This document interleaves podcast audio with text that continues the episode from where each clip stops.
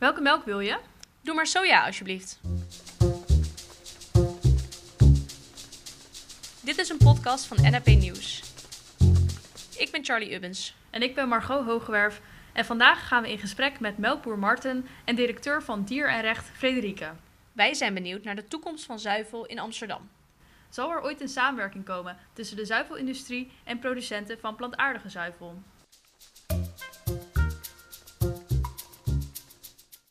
Ben Frederik Schouten, eh, de directeur van Stichting Dier en Recht. Ik ben eh, van herkomst veearts en onze stichting zet zich in voor een beter welzijn voor dieren.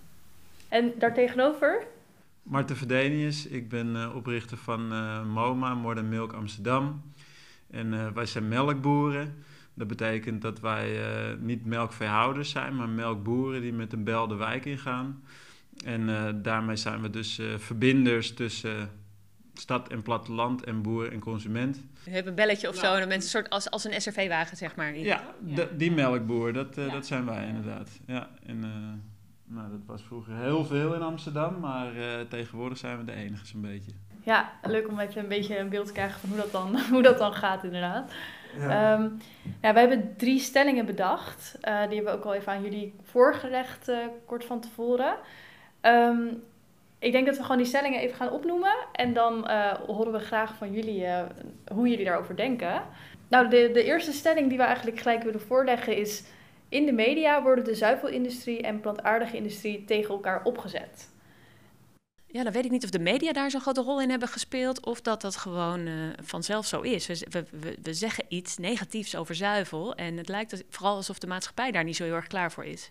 We hadden met Dier en Recht een campagne uh, over uh, dierenleed wat er kleeft aan zuivel. En dat is heel, heel erg hard um, aangekomen. Terwijl wij dachten dat het wel meeviel, wilden consumenten voorlichten. Um, en het is echt best een bittere ellende. En dan heb ik ook respect voor boeren. En dan weet ik ook hoe, hoe, hoe zij um, uh, met hun gevoel in hun bedrijf staan. Maar als je uh, alles wat je weet over hoe je dieren moet houden. Als je dan kijkt naar hoe wij nu onze kalfjes houden, dat kan echt niet. Ja, ik denk dat het op die manier dat het huidige medialandschap dat wel, uh, ja, misschien haast onbewust, zeg maar, wel uitvergroot. Maar ik denk dat veel media ook wel probeert een redelijk verhaal te vertellen en, uh, en probeert te verbinden. Maar toch op de een of andere manier worden die tegenstellingen wel uitvergroot. Dat, uh, dat denk ik wel. Maar voel jij, dat, uh, voel jij dat het zo gebracht wordt? Of dat mensen dat idee hebben? Van uh, ja, de zuivel in de plantaardige wereld wordt tegen elkaar gezet?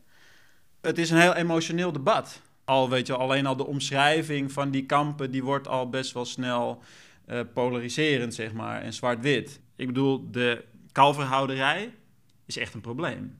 En, en um, dat daar sprake is van dierenleed, onnodig dierenleed, dat, dat, dat, uh, dat zal ik ook zeker niet ontkennen. Een groot onderzoek van de trouw, 85% van de boeren is bereid om anders te boeren. Als de markt dat van hem vraagt. Dus uh, als die consumenten dat anders willen, dan, uh, dan denk ik dat die boeren over het algemeen dat ook best wil. Ja, dus een verandering kan ook wel echt komen vanuit meer vragen vanuit een consument naar andere omgang met de, met de vee-industrie, uh, met, met zuivel. Ja. Um, ja, want ik, hoor jullie allebei zeggen dat, dat er iets veranderd moet worden uh, in de vee-industrie. En ik denk dat we daarmee ook wel goed, een goede brug kunnen slaan naar onze volgende stelling. Dat is namelijk, in de toekomst werken de zuivelindustrie en plantaardige industrie samen. Hoe denken jullie daarover? Ja, ik ik zie uh, dat er een plantaardige revolutie op gang is. Dus mensen stappen al over op meer plantaardig. En ik denk dat ze die kansen ook wel zien. Dus dat zo'n Friesland Campina ook wel uh, uh, investeert in, in de vervangers. Er zijn er natuurlijk mooie voorbeelden van. van die, um, zijn twee van die zonen van een melkveehouder die het bedrijf hebben overgenomen en ondertussen nu ook een, uh, een sojamelkbedrijf zijn. De nieuwe melkboer. De nieuwe melkboer, ja, dat dacht ik, dat vind ik echt heel mooi. Want die zien ook dat die, die, die verandering is in gang. Dus dat zo, twee boerenzoons dan ook dat inzien en dat gaan veranderen, dat vind ik heel gaaf. En ik denk dat de grote bedrijven dat vanzelf ook doen, omdat ze anders achterblijven. Want, want zie jij dat uh, snel gebeuren, havermelkboeren in de regio Amsterdam? Um, nou, dan denk ik dat praktisch dat de veenweidegrond die we hier rondom Amsterdam hebben, dat die niet zo heel erg geschikt is voor uh, haverteelt. Nee, dan moet je naar zandgrond, dus dan zal het wel iets verder moeten komen. Ja, ja dan kom je in het gooi of uh, in de duinen, maar in de duinen is allemaal natuurgebied niet natuurlijk, maar dat zal het gooi zijn dan. Maar wij zijn helemaal niet principieel tegen plantaardige melk, helemaal niet. Ik werk ook heel graag samen met uh, de nieuwe melkboer en uh, zijn producten verkopen wij ook graag. En uh, wat dat betreft um, ondersteun ik van harte een, een plantaardige revolutie. En, en als wij die samenwerking willen bevorderen tussen de twee industrieën, bij wie ligt dan de verantwoordelijkheid? Is dat de consument? Is dat, zijn dat de boeren? Is dat de politiek? De consument heeft de vraag, toch? Dus die, of die samenwerking er zo specifiek is, weet ik niet. Maar ik denk dat dat vanzelf komt als er steeds meer vraag, zoals die er is, naar plantaardige voeding. Dat degene die ook uh, nu melk produceren, waarschijnlijk ook daarin mee willen stappen. Omdat je anders gewoon ziet dat je. Uh, steeds minder verdient, steeds minder nodig bent. En het zou dus als de prijs, wat je zei, als, als, als vlees en zuivel, uh, als dierlijke producten, een soort luxe zijn. Uh, plantaardig is de basis, maar je hebt misschien, een, uh, misschien nog dierlijke consumptie. Dan zou die prijs ook veel beter zijn. Dan moet je ook een bedrijf kunnen hebben waar je die dieren een fatsoenlijk leven geeft in ieder geval. Nee, want, want over de prijzen en verdienen gesproken, uh, dat sluit ook helemaal mooi aan bij onze derde stelling. Uh, dat was namelijk dierlijke zuivel en plantaardige zuivel moeten dezelfde prijs hebben. Wa waar denk je aan bij, uh, bij prijs? Ik moest denken aan cafeetjes hier, laten we het op cafeetjes houden. Um, cafés in Amsterdam of zo, dan heb je vaak dat als je een cappuccino bestelt, dan is koemelk is, is gangbaar. Dat is de norm. En als je dan havermelk of sojamelk wil, dan betaal je meer. Nou, dat is al vrij bizar. Dat zou natuurlijk weg moeten. Krijgen consumenten het makkelijker om het juiste te kiezen en heb je ook die transitie in gang gezet. Ja, nou, ik vind, uh, wat, wat denk je bij het woord prijs? Dat vind ik een hele goede vraag. En ook, uh, want ik zeg altijd mensen die zeggen van, wat kost je melk? En dan denk ik, ja, wat bedoel je met kosten? En dat, ik denk dat dat de fundamentele discussie is die we moeten voeren, inderdaad.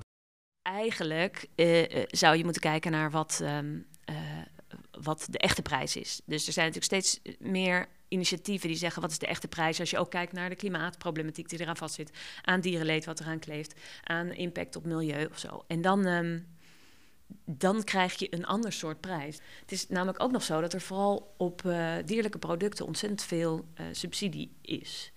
Um, dus in principe zouden die subsidies er of voor beide producten moeten zijn, of gewoon niet. En de markt moet bepalen wat een eerlijke prijs is voor, uh, voor de beide producten. En als je dat eerlijk wil maken, dan moet je wel kijken naar wat, het, wat de impact ook is op de dieren en op de planeet. En um, um, dus ja, het is echt een, een, een, maatschappelijk debat in die zin. En um, dat kan je, die kan je als burger voeren, zeg maar, als democratisch burger. En uh, ik denk dat dat heel belangrijk is. Ik denk dat, dat, uh, ik denk dat een democratie niet werkt uh, zonder dat burgers een actieve rol pakken. Maar goed, maar dus ik denk dat een, een markt ook niet kan werken uh, als die consument niet zijn rol pakt. En, en daar schort het nog wel een beetje aan, maar daar zijn de.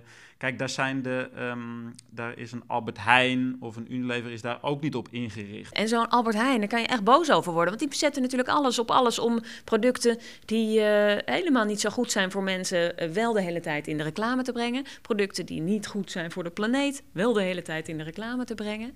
Dus het is ook. Het is, ik, zat net te denken van, willen we hiermee nou mensen die dit horen denken van... ja, ja, jij moet als consument je rol nemen. Dat vind ik sowieso.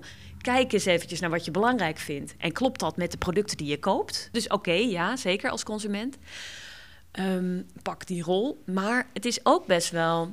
Uh, het wordt de consument niet heel makkelijk gemaakt. En ik ben misschien ook een beetje dan cynisch geworden inmiddels... dat je denkt, die consument die wil... die kijkt uiteindelijk niet zo goed op het moment dat hij koopt. Want als je het helemaal bij burgers zelf laat om die keuze te maken, weet ik niet of er nou echt een revolutie op gang komt. En daarom denk ik ook dat de overheid um, uh, bijvoorbeeld met een, een, een vleestaks of een tax op dierlijke producten of zo, wel kan zorgen dat de consument gestuurd wordt. Ja, maar de politiek die is toch ook representatief. Dus uh, die, um, ja, die volgt ook heel erg het maatschappelijke debat en, en, en wat er onder het publiek leeft. En um, dus ik denk dat dat een arena is waar je dat gesprek moet voeren. Um, ja, ik denk dat het wel vaak heel traag is. En als consument kan je meteen een verschil maken. Maar het begint ook bij vraag en aanbod, wat natuurlijk de, de grondslag van de economie is. Zodra de consument de vraag omgooit, ja. dan moeten bedrijven. Maar de vraag is toch vooral naar alles kunnen kopen wat je graag wilt hebben en dat zo goedkoop mogelijk. Ja, nu. Ja, je hoopt, ja, je, je hoopt wel op iets anders, maar dat is voor veel mensen toch belangrijk. Alleen op het moment dat je die aankoop doet, uh, um, um, merk je niet wat voor gevolgen dat heeft in het landschap of eh, eh, in de stal. Nee, en dat is het belangrijkste, denk ik. je kan niet elke consument bij elke aankoop de boerderij rondleiden, zeg maar. Maar ik denk wel dat, um, dat er heel veel interesse is en, en, en behoefte ook wel om weer een beetje verbonden te raken met waar de spullen vandaan komen. Maar ja, ik denk dat daar heel veel ruimte voor is. Maar dat, kijk, de dynamiek die je in een voedselsysteem hebt, die is leidend. Don't hate the player, hate the game. Dat spelletje, dat deugt gewoon niet. Dus we moeten een ander spelletje met elkaar spelen. Ja, als je ja, maar daar komt de consument om de hoek kijken. Want daarin hebben we dus gezamenlijk echt wel een dikke vette vinger in de pap. Alleen moet je wel boos durven worden op je supermarkt. Want ik ben het volledig met je eens dat dat gewoon, dat hele systeem klopt niet. En dat is uh, niet aan een van ons om te veranderen, maar allemaal samen. Ja, nee, dus ja, even samenvattend hoor ik jullie inderdaad zeggen dat er dus wel echt een transitie moet gaan plaatsvinden in de zuivelindustrie. En dat die misschien ook al wel is ingezet. En jullie proberen daar op je eigen manier ook aan bij te dragen. En nou ja, er, de, uh, er, er lijken verschillende partijen te zijn, zeg maar overheid, consumenten, die allemaal wel iets zullen moeten doen om uh, die verandering teweeg te brengen. Veel stof tot nadenken. Zeker. Heel veel dank. Ja, we vonden het erg leuk om met jullie in gesprek te gaan. Ja, graag gedaan. Zeker, graag gedaan. Dit was een podcast van NAP Nieuws. Bedankt voor het luisteren